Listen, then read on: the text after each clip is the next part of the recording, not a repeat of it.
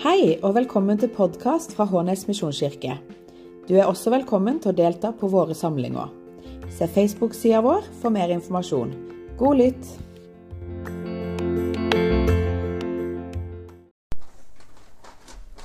Og der er vi i gang.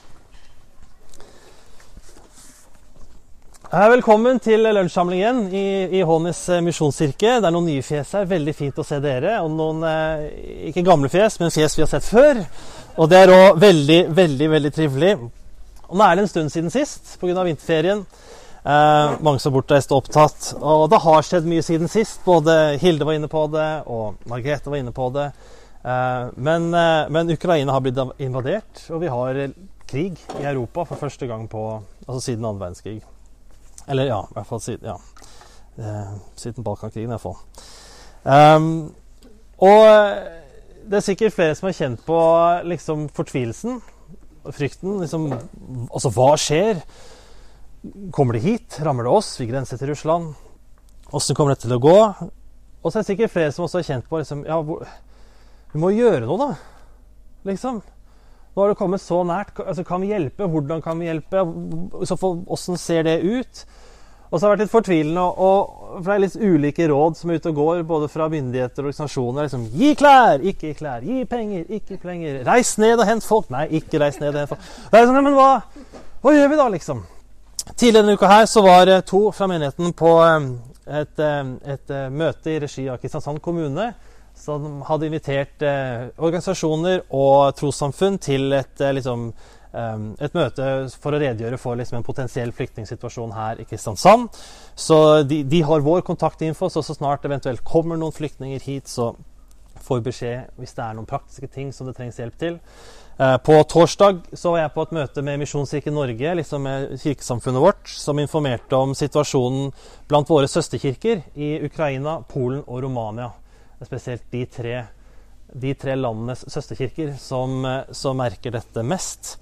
Um, de har husene sine, altså kirkebyggene sine, fulle av flyktninger. Jeg har sett noen bilder og noen filmer der kirkesal det er bare strødd med madrasser og feltsenger. Og det er stort sett kvinner og barn, for det er vel alle menn mellom er det 16 og 60 eller noe sånt, som, som ikke får lov til å dra. Så det er stort sett kvinner og barn. Noen barn alene. Det er folk som er såra, kalde, som har gått fra bilene sine, som har gått fra det de eier, som bokstavelig talt bare har med seg sekken, hvis det. Um, og vi, en som heter Jon Arne Hoppestad, han er leder for, for, for, for internasjonal avdeling i Misjonskirken Norge, så han som måtte har oversikt over, over, alt det vi driver av misjon og bistand. Og han sa at det de trenger mest, foruten bønn, det er penger. Um, så det vi skal gjøre nå, vi skal gjøre to helt konkrete ting for å hjelpe Ukraina. Vi skal ta opp en pengegave. Og eh, som dere ser, så er vi litt sånn eh, digitalt enkle for tiden. Og det er veldig fint. Og så byr det på noen liksom ja, utfordringer òg.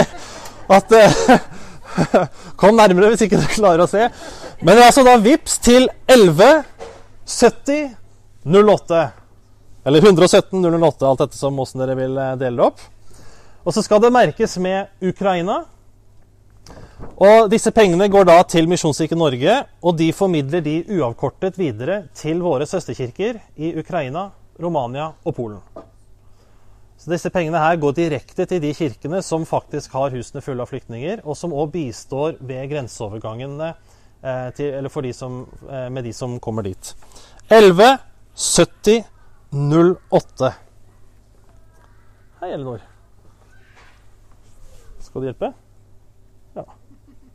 Kan du gå rundt, gå rundt og vise den til alle sammen? Kan du, kan, du gå, kan du, gå, rundt? Nei, det er kanskje noen flaue som ikke turte å si at ikke de klarte å se. Men 117008, merk med Ukraina. Så jeg legger den her, i tilfelle noen som uh, glemmer eller vil gjøre det etterpå. Det andre vi skal gjøre, det er at det på bordene så skal det ligge en lapp hvor det står 'Bønn for Ukraina'. Og Hvis ikke dere har fått den, så ligger det iallfall fall en ekstra kopi her. Kanskje det er noen som kan se og som kan dele. Men bønn for Ukraina. Dette er en bønn som eh, Bibelselskapet har eh, skrevet. Um, hvis man går inn på bibel.no, det er altså Bibelselskapets nettside, så har de liksom en egen si, bibelside for Ukraina med noen bønner og noen bibeltekster som kan leses og bes. Og dette er en av bønnene som har blitt skrevet for situasjonen i Ukraina. Um, den består av fem avsnitt, seks avsnitt, og vi skal rett og slett be den vekselvis. Så jeg begynner å lese første avsnittet, og så leser dere. Og så leser jeg, og så leser dere til vi er ferdige.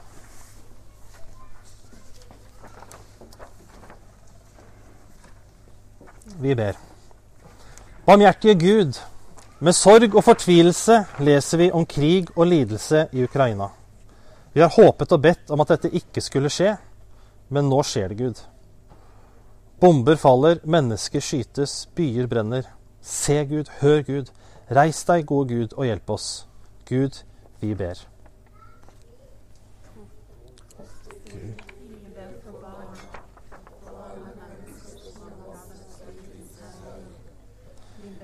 Flyktninger og krigens ofre. Vi ber for de som er redde. Vi ber for familier som splittes.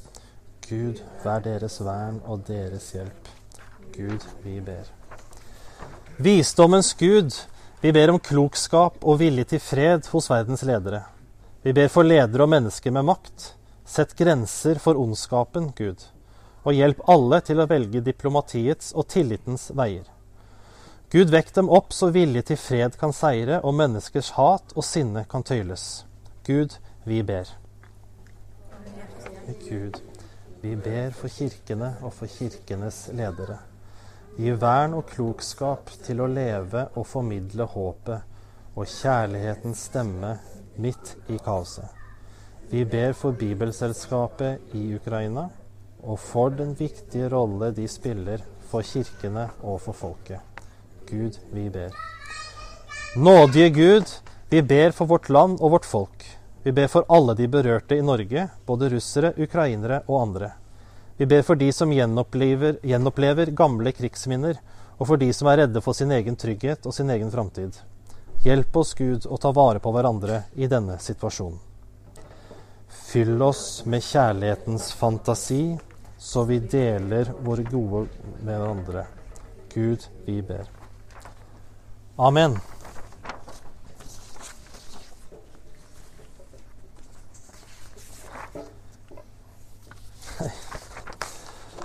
Um, og så til preken. um, dette, denne teksten, Lukas 13, vers 22-30, vi følger altså kirkeårets tekster. Um, dette er en av de tekstene når jeg leste hvor det går litt sånn gufs nedover ryggen. Jeg tror kanskje jeg har sagt det en gang allerede. Vi har gjort det tre ganger, og to av de gangene så har vært ikke misfornøyd med teksten, men tenkt liksom Åh, kunne vi ikke tatt en annen? For dette er en tekst som er litt ubehagelig. Syns jeg iallfall å lese. Um, den utfordrer mitt bilde av Jesus, i hvert fall sånn umiddelbart. Um, altså Mitt bilde av Jesus er veldig sånn veldig nådefull og veldig god og veldig sånn åpne armer og breie dører. Og overskriften er bokstavelig talt 'den trange døren', liksom. Um, som er veldig sånn ujesusk, i, iallfall i mitt, i mitt hode. Um, men så tenker jeg at teksten gir oss en god utfordring, og samtidig så er det kanskje ikke like mørkt, i hvert fall som jeg har, som jeg har tenkt. Uh, vi er også da i den uh, midtre delen av, av Lukas-evangeliet. Nå må du gå med mamma litt, ok? Du skal få sjokolade. Ja, trumfer Jesus hver gang, altså. Jeg bare sier det. men, men, ja. Dette er altså pastoren datter, pastor datter som, som fristes for sjokolade, så nå er lista lagt. Men eh, vi er i Ja, frisøren min er sykemeldt, så nå har jeg, nå har jeg samme sveis som barnebildene til pappa på 60-tallet. Jeg er ikke Oi, sann. Jeg er ikke vant til lugg. ja. Jeg har fått noen kommentarer på at capsen min ikke er så fin, så jeg prøver meg, prøver meg ut. Men vi er i Lukasevangeliet. Og vi er liksom i midtre del av Lukasevangeliet. Og, og, og første del av Lukas det er liksom eh, introduksjonen til Jesus og hans oppdrag. Eh, det er juleevangeliet. ikke sant? Han blir født. Eh, og så har vi Jesu dåp, hvor liksom hans tjeneste begynner. Og så har han en sånn ganske lang tale hvor han egentlig legger ut liksom, hvem han er, og hvorfor han er der. Jeg er Messias, og jeg er kommet for å bringe Guds rike til mennesker, spesielt de fattige og de syke og de utstøtte og de hjemløse. Det er det jeg liksom er. Mitt rike det er opp-ned-riket. De siste skal bli først, og de minste skal bli størst. Derfor er jeg her. Bli med, liksom. Og Så kommer vi til midtre delen av, av Lukas evangeliet, og det er egentlig en lang vandring der Jesus er på vei sammen med liksom følget sitt på vei til Jerusalem for å feire påske. Um, og den tredje delen, siste delen av Lukas, det er altså selve påskeuka i Jerusalem. Så vi er midt i vandringen på, på, vei, til, på vei, til, Jerusalem. Um, og hvis du er sånn som når du leser uh, i Bibelen har lyst på liksom litt mer sånn bakgrunnsstoff, litt, mer sånn ja, litt mer, sånn, litt mer snadder, så kan vi gå inn på bibel.no. Um, og der har de oversatt noen filmer, altså til norsk, noen filmer som The Bible Project har laget. Og Det er altså da animerte videoer um, hvor de da gir liksom oversikter over hele bøker i Bibelen. Varer kanskje 8-9-10 minutter, noe sånt. Hvor du både kan høre veldig god undervisning, men ikke minst også se det. Eh, som iallfall jeg opplever er en veldig god hjelp. Så de finner på bibel.no. Ehm, så vi er på vei til Jerusalem. Og eh, mens liksom underveis i denne vandringen da, så underviser Jesus de som er med ham. De stopper i byer, de stopper i landsbyer, underviser i synagogene. Og så stopper de bare langs veien og underviser de som, de som går med.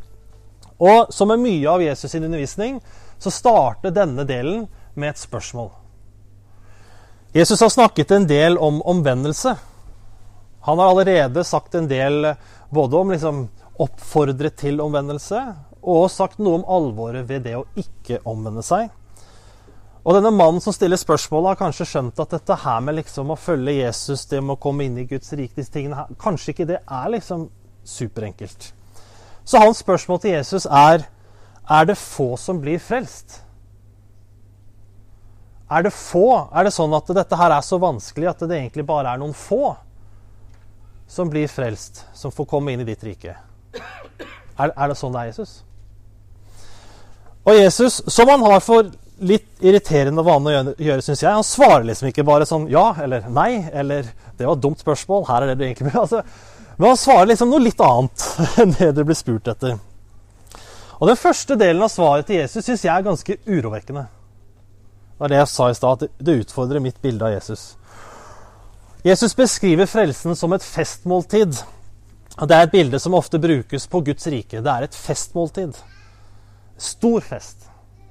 Der alle som er invitert, kommer sammen. Vi spiser sammen, vi drikker sammen, vi deler fellesskap sammen. Og Gud er midt iblant dem. Det er liksom bildet som ofte brukes på Guds rike. Som brukes på frelsen. Kom til fest, liksom. Velkommen inn. Og så sier Jesus at um, ja, bare sånn. Og når vi snakker om frelsen nå Jeg kommer til å bruke det ordet en del. kommer til å bruke Guds rike, ordet Guds rike en del, begrepet. Og da mener jeg ikke frelse som en liksom, vi liksom, At vi skal rykkes vekk fra jorden når vi dør, og liksom inn til himmelen, inn til en annen dimensjon, inn til liksom et annet sted. Det er ikke det jeg mener. Og jeg tror ikke det er det de gode nyhetene i evangeliet er heller. Men frelsen er at når vi dør, og står opp igjen, så er det ikke et sted langt borte, i himmelen. Men det er altså Guds rike, himmelen, som kommer hit.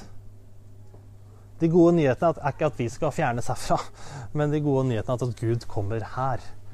Altså Når vi snakker om himmelen, når vi snakker om paradis, når vi snakker om Guds rike, så er det noe som skal komme hit. Til denne verden. Og som vi får lov til å være en del av. At frelsen består i å komme inn i dette her. Så Jesus sier Det beskrives som et festmåltid.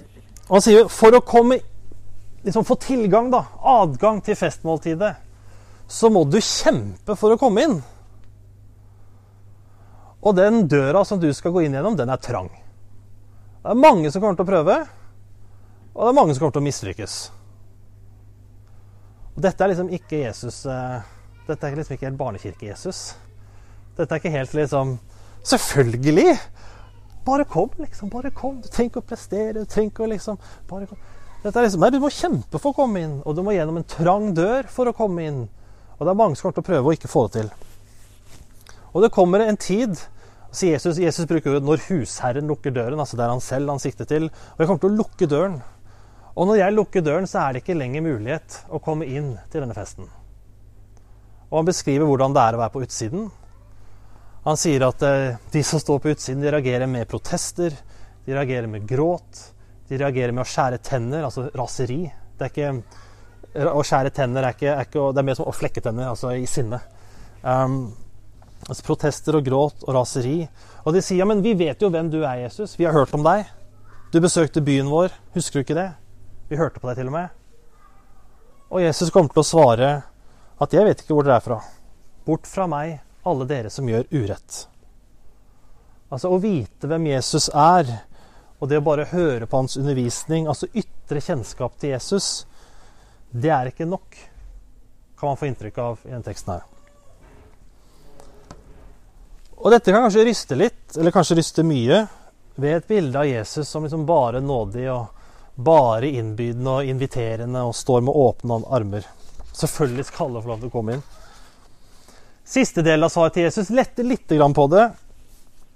Um, han sier at liksom fra øst og fra vest og fra nord og fra sør, altså fra alle himmelretninger, så skal det komme folk. Folk skal strømme til for å sitte til bords i Guds rike ved dette festmåltidet. Og det blir ofte forstått som at eh, nå er det ikke bare liksom, Israelsfolket, gudsfolket, som får adgang, men gjennom Jesus er det nå alle mennesker som har fått tilgang til hans rike. Og at ved dette måltidet så skal de siste bli de første. De som har definert seg selv utenfor, eller som har blitt definert utenfor av andre, de skal få plass. God søndag morgen. Så hva gjør vi med dette her, da? Um, ut fra den teksten her alene så kan man få inntrykk av at det å bli frelst, det er vanskelig. Det er krevende. Det innebærer kjemping og at man må innom en trang dør, hva enn det betyr. Og så høres det også ut som at det, egentlig så er det vi som frelser oss selv. For vi får liksom bilde av at det, eh, Jesus er liksom inne i et hus, antar jeg, da, sant? og har fest. Og så roper han liksom ut liksom OK, dere der ute, dere må kjempe for å komme inn. Og så sitter vi her liksom og fester, og så er det noen som får til å komme inn, liksom, men ikke alle. Man kan få liksom inntrykk fra den teksten her at det, eh, å liksom få adgang til Guds rike, det er noe vi må få til.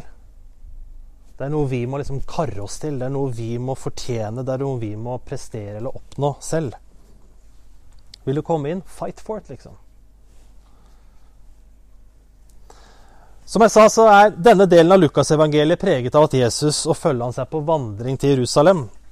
De var fysisk på, på reise, og denne reisen får liksom sitt høydepunkt når, ved Jesu oppstandelse første påskedag i Jerusalem.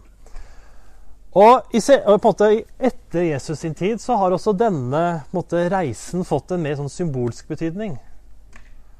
At det nå er en beskrivelse av alle, vår, altså alle vi som tror på Jesus og prøver å følge han, en beskrivelse av våre liv som reiser, som vandringer med Jesus, som også får sitt høydepunkt med vår oppstandelse.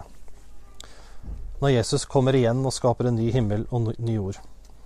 Så for å forstå dette her med liksom kjemping og den trange døren og Dette er litt sånn corny, men, men da skal vi på en reise, dere. Og vi skal på en reise gjennom Lukasevangeliet. Og vi skal innom tre stopp. Dette har lært deg veldig pedagogisk. Vi skal innom tre stopp i Lukasevangeliet. Vi begynte i Lukas 13 med, med, fortellingen eller lignelsen om den trange døren. Der vi liksom Må vi frelse oss selv, Jesus? Er det det som er greia? Må vi karre oss til, bord, karre oss til bords i Guds rike? Er det det du mener, Jesus? Altså krever Jesus innsats? er et av spørsmålene som jeg har lyst til å stille, som vi skal bruke litt tid på. Og hvordan ser i så fall det ut? Krever Jesus innsats for å få plass ved hans bord? Og i så fall, hvordan ser det ut? Det er stopp én. Lukas 13. Og jeg leser disse tekstene her eh, etterpå. Eh, liksom etter andre. Lukas 13, den trange døren. Stopp to. Det er Lukas 14. Et kapittel videre. Og det er lignelsen om det store gjestebudet. For igjen så underviser Jesus om Guds rike, og igjen så sammenligner han eh, Guds rike med et festmåltid. Men denne lignelsen ser ganske annerledes ut. For der er det en vert, eller en mann, det er et bilde på Gud, da, som inviterer inn til fest. Og så inviterer han masse folk. liksom, Venner og kjente, kom, liksom, jeg skal, ha, jeg skal ha en stor fest. Bli med, liksom. Dette blir bra. Og så de inviterte, de liksom treger litt. og er sånn, sant, 'Jeg må jobbe litt. Sant? Jeg vet ikke om jeg rekker det. Jeg har så mye annet jeg skal gjøre. Jeg må hvile litt.' Jeg har nettopp gifta meg, og så sier jeg har ikke tid. Jeg får det ikke til. Og da sier liksom verten OK, eh, så sender han tjeneren sin ut på torget i byen og vet du hva, hent hjem alle fattige, alle syke, alle lamme, alle uføre. Få det inn. Vi skal ha fest, liksom. Fyll opp. Og så tjeneren går ut, henter inn alle de som i utgangspunktet ikke var innbedt, og fyller opp. Og så ser verten at ok, det er fortsatt plass. Her skal det bli fullt. Så han sender tjeneren ut nok en gang. Så sier han vet du hva, gå ut gå ut på veier og stier. Så gå ut på gata, hank det inn. liksom. Få det inn. Her skal det bli stappfullt.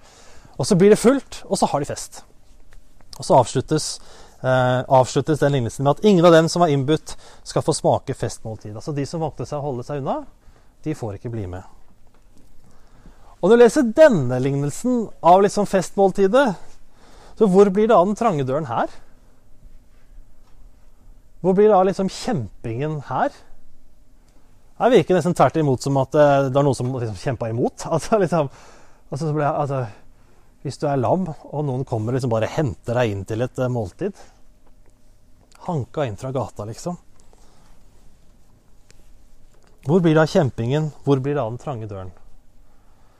I den første teksten så kan man få inntrykk av at det er vi som er liksom den aktive. Det er vi som skal gjøre, det er vi som skal fortjene og oppnå og få til. Mens i lignelsen om det store gjestebudet så er det motsatt. Så legges vekten mye tydeligere på at ja, her er det Gud som setter i stand. Det er Gud som dekker bord. Det er Gud som inviterer inn. Det er Gud som henter inn. Det er Gud som bærer mennesker inn til sitt store festmåltid. Her virker det definitivt som at det er Gud som frelser, og ikke vi. Det er som én tekst som legger vekt på at uh, her må dere kjempe for å komme inn. Og så er det én tekst som her, her trenger du virkelig ikke gjøre noe som helst for å komme inn. Og det skaper en spenning. Ikke som i Oi, dette var spennende. Eller ja, det er jo kanskje, ja, det kanskje feil å si det. Men, men jeg er mer som i tension, anspenthet. Så hvordan skal vi holde disse to tingene? Og veldig ofte når vi leser bibeltekster, så oppstår det sånne spenninger. Og fristelsen er veldig stor for å prøve å liksom løse de opp. Og da får man ofte noen kunstige eh, liksom, resultater. Vi må øve oss på å holde disse spenningene sammen. Jeg øvde på dette her hjemme. Sto på kjøkkenet i går kveld og øvde. Jeg har så latterlig små biceps, har jeg funnet ut av. Sto liksom sånn og prøvde, tenkte liksom, nå skal jeg liksom stå liksom Spenningen! Tenkte, nei, det dropper jeg helt, altså. Det funker skikkelig dårlig. Vi må holde disse spenningene sammen, og da kommer vi fram til det siste stoppet på reisen i Lukasevangeliet. 13, Den trange dør, kapittel 14, Det store gjestebudet. Og så kapittel 15, som er lignelsen eller fortellingen om sønnen som kom hjem. Eller Den bortkomne sønn, som den heter før. Hjemvendte sønn har jeg også hørt at noen kaller den. Um, dette er jo sønnen som velger å gå sin egen vei. Han uh, vil ha arven på forskudd. Som er en ganske dramatisk måte å si at uh, far, du er død for meg, egentlig. Jeg vil ikke lenger være en del av denne familien, jeg vil ikke lenger tilhøre deg. Jeg vil ikke, være, altså jeg vil ikke vite av deg lenger. Mottar arven. Og så går han sin egen vei, lever et liv i sus og dus, uh, på egne premisser. Egoismen får herje fritt, og så smeller det. Og eh, det er en scene som jeg skal lese, hvor denne sønnen han er i grisebingen Um, spiser grisemat. Det er liksom det er dit han har kommet. Det er det dette har endt i. Og skal jeg lese det som skjer med han når han er i denne grisebyggen. Og dette tror jeg er noe av nøkkelen til å forstå disse tekstene. For der står det Da kom han til seg selv og sa Hvor mange leikarer hjemme hos min far har ikke mat i overflod, mens jeg går her og sulter i hjel? Jeg vil bryte opp og gå til min far og si, Far, jeg har syndet mot himmelen og mot deg. Jeg fortjener ikke lenger å være sønnen din, men la meg få være som en av leikarene dine. Og dermed brøt han opp og dro hjem til faren. Tror Denne lille passasjen her er liksom nøkkelen. Eller noe av nøkkelen, iallfall. For jeg tror det er her kampen står. Jeg tror det er her kjempingen er. Og at her også dette er liksom den trange døren som Jesus snakker om. For det sønnen gjør for første gang, i hvert fall i denne fortellingen, det er å vise ydmykhet, og det er å omvende seg. Han viser ydmykhet ved å si 'ja, jeg har feila'. Jeg gjorde noe som ikke var godt. Jeg gjorde noe som var ødeleggende. Jeg gjorde noe som ikke førte til liv. Ja, jeg feila. Og han omvender seg. For han snur bokstavelig talt ryggen til det livet som han har levd, og vender hjem igjen. Og hva er det som venter han der? Det er ikke en trang dør som er stengt. Det er ikke liksom en som står sånn, så, du, sånn dørvakt, som er liksom som sjekker legg og liksom Ja, har du kjempa?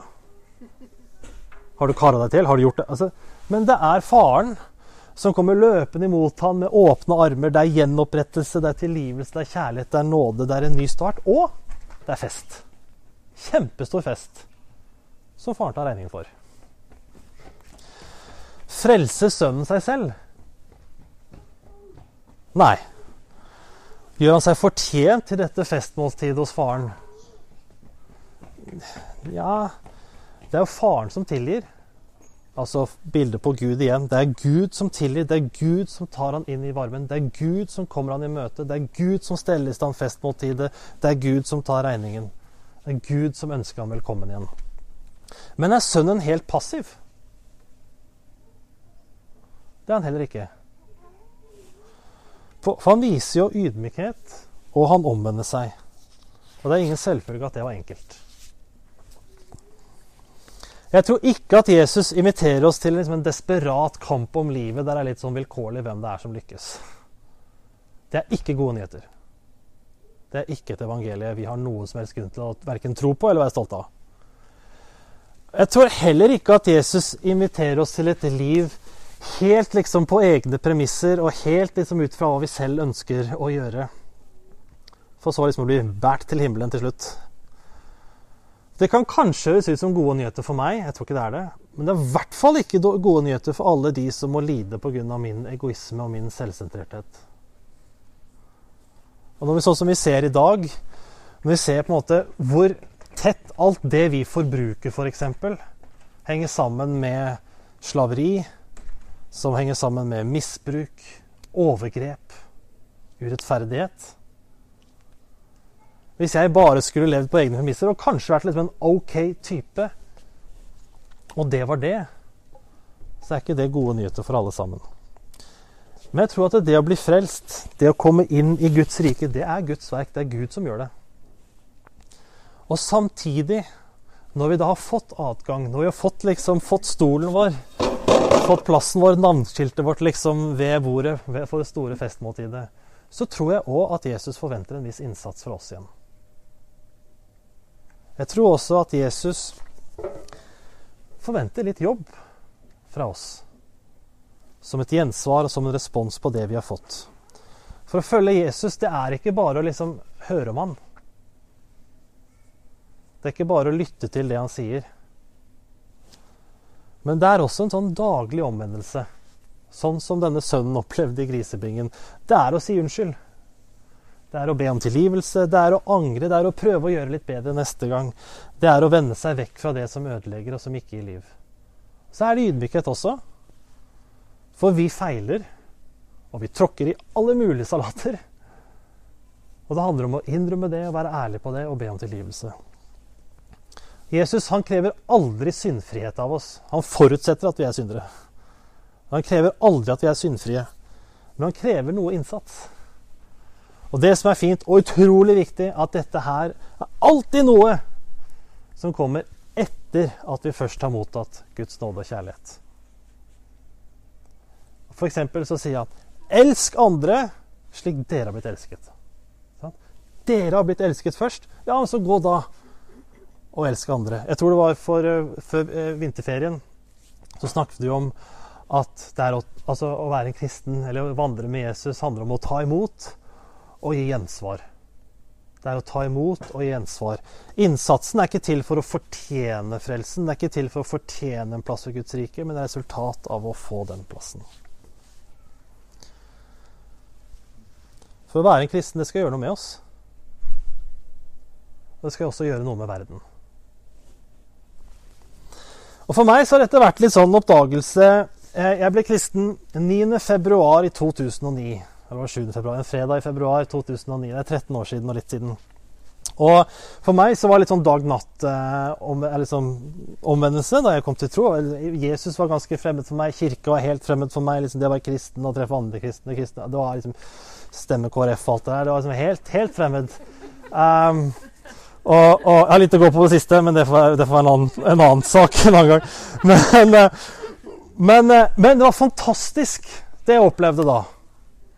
Jeg opplevde helt sånn, helt sånn, altså Både sånn i hodet og hjertet, men fysisk i kroppen opplevelse at å være elsket og være akseptert. Og at jeg ikke det var noe som var basert på en prestasjon eller noe jeg måtte liksom få til. Det var nydelig! Og så gikk det noen år, da. Og så var det litt sånn Ja, det var bra, liksom, men var det det? Jeg har liksom 40-50-60-70 år igjen å leve, liksom. Er det, er det, altså jeg, kommer til, jeg, kommer til, å huske det om 20 år, liksom. Er det, er det, er det alt, liksom? Skal jeg bare vente på å dø? Og leste liksom om Paulus som sier sånn Ja, hvis det var opp til meg, så hadde jeg bare drikka vekk med en gang, liksom. Og jeg bare tenkte sånn Ja, ja, det er vel det det altså, Men det ble litt sånn derre Etter hvert, så, hvert som jeg liksom, det var litt sånn, ble litt eldre, så, så og nå merker jeg at det er sånn lengsel etter noe mer, lengsel etter noe dypere. Lengsel med at det, det, livet jeg lever nå, også skal være en respons. Ikke bare noe i hodet. liksom, En overbevisning eller noe kunnskap eller noe sånt. Det er veldig bra. Ikke bare liksom en, en, sånn, en hjertets overbevisning, da. Eller en sånn en indre endring. Men også liksom i, ut i livet, da. liksom, At Alexandre blir endret. Og en del av dette har nok skjedd også uten at jeg har klart å se det. Det tror jeg. Så i det siste så, så har jeg liksom blitt litt sånn opptatt av trospraksiser. Vaner, rytmer. Og før så har jeg liksom skydd det som pesten. For med en gang noen har sagt om liksom, ja, du må be hver dag, og du må lese Bibelen hver dag, og du må gjøre sånn hver dag og hver måned og hver uke, så er jeg bare helt sånn Nope, nei, helt uaktuelt. For da prøver jeg å fortjene meg til frelsen. Jeg blir ikke med på det. Nei, Og så har jeg bare liksom sagt at jeg skal i hvert fall ikke gjøre det. og så nå er jeg blitt litt voksen. Eh, jeg kan innrømme det. Og jeg begynner å se at jo, faktisk Rytmer og vaner og praksiser er uendelig verdifulle. Jeg holder på med en bok som heter 'Kunsten å forme livet', skrevet av en kar, en prest, norsk prest som heter Stian Kilde Aarbrot. Dette er kirkas kopi. Hvis det er noen som vil låne den, så kan de bare ta den herfra etterpå. Um, han er veldig opptatt av trospraksiser, som han kaller det, av rytmer og vaner i livet. Han skriver veldig mye om hjerneforskning om hvordan vaner dannes, og hvor stor effekt de har på livene våre. Og hvor stor en måte, kraft en vane kan ha til å forandre våre liv.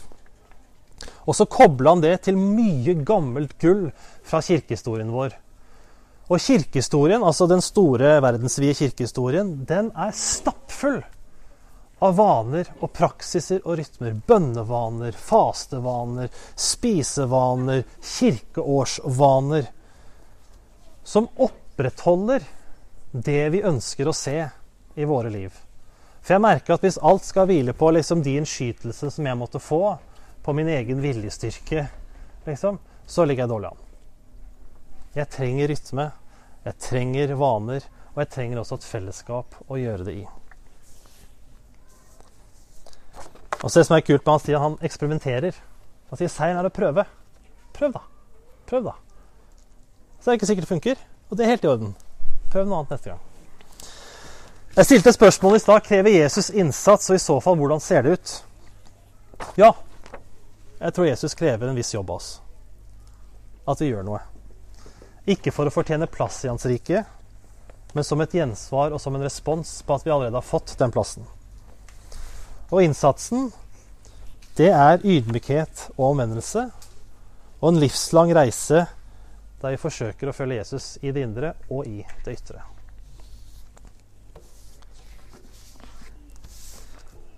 Straks ferdig skal vi feire nattvær.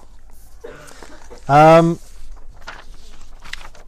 vi er nå i, midt i faste, eller ikke midt i, men inne i fastetiden fram mot påske. Og som menighetsfellesskap så har vi ikke praktisert det liksom, sånn offisielt organisert.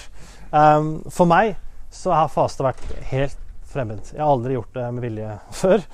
Um, men uh, vi er noen stykker som har lyst til å prøve ut. Og prøve å faste litt nå fram mot påske. Uh, vi samles rett etterpå, altså etter, etter samlingen er ferdig. Så hvis du har lyst til å bli med på det, så er vi en liten gruppe som uh, heier på hverandre, og som, og som kan stille hverandre litt ansvarlige og hjelpe litt med å finne en måte man kan gjøre det på. For det er mye forskjellig mye forskjellig man kan gjøre på. Vår hensikten med fasten det er å rette vår oppmerksomhet mot Jesus. Og rette vår oppmerksomhet på, mot verden og våre medmennesker. Så kanskje også leve litt enklere.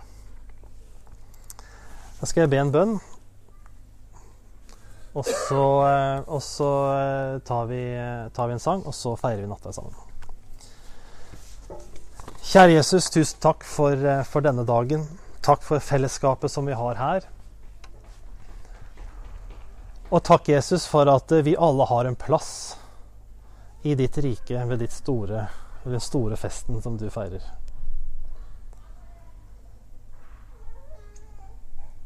Så hjelp oss, Herre, på den reisen det er å følge deg.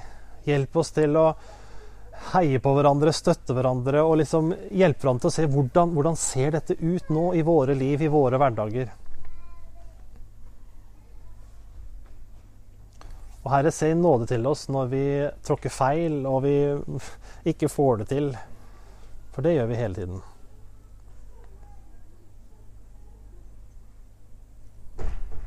Hjelp oss til rytmer, til praksiser, til vaner. Hjelp oss til holdninger og handlinger som sikrer at det du underviser oss å gjøre, om å elske vår neste og elske Gud, at det ikke bare forblir sånn et indre anliggende, men at det òg får kraft utover. Så be om din velsignelse over resten av dagen. Amen.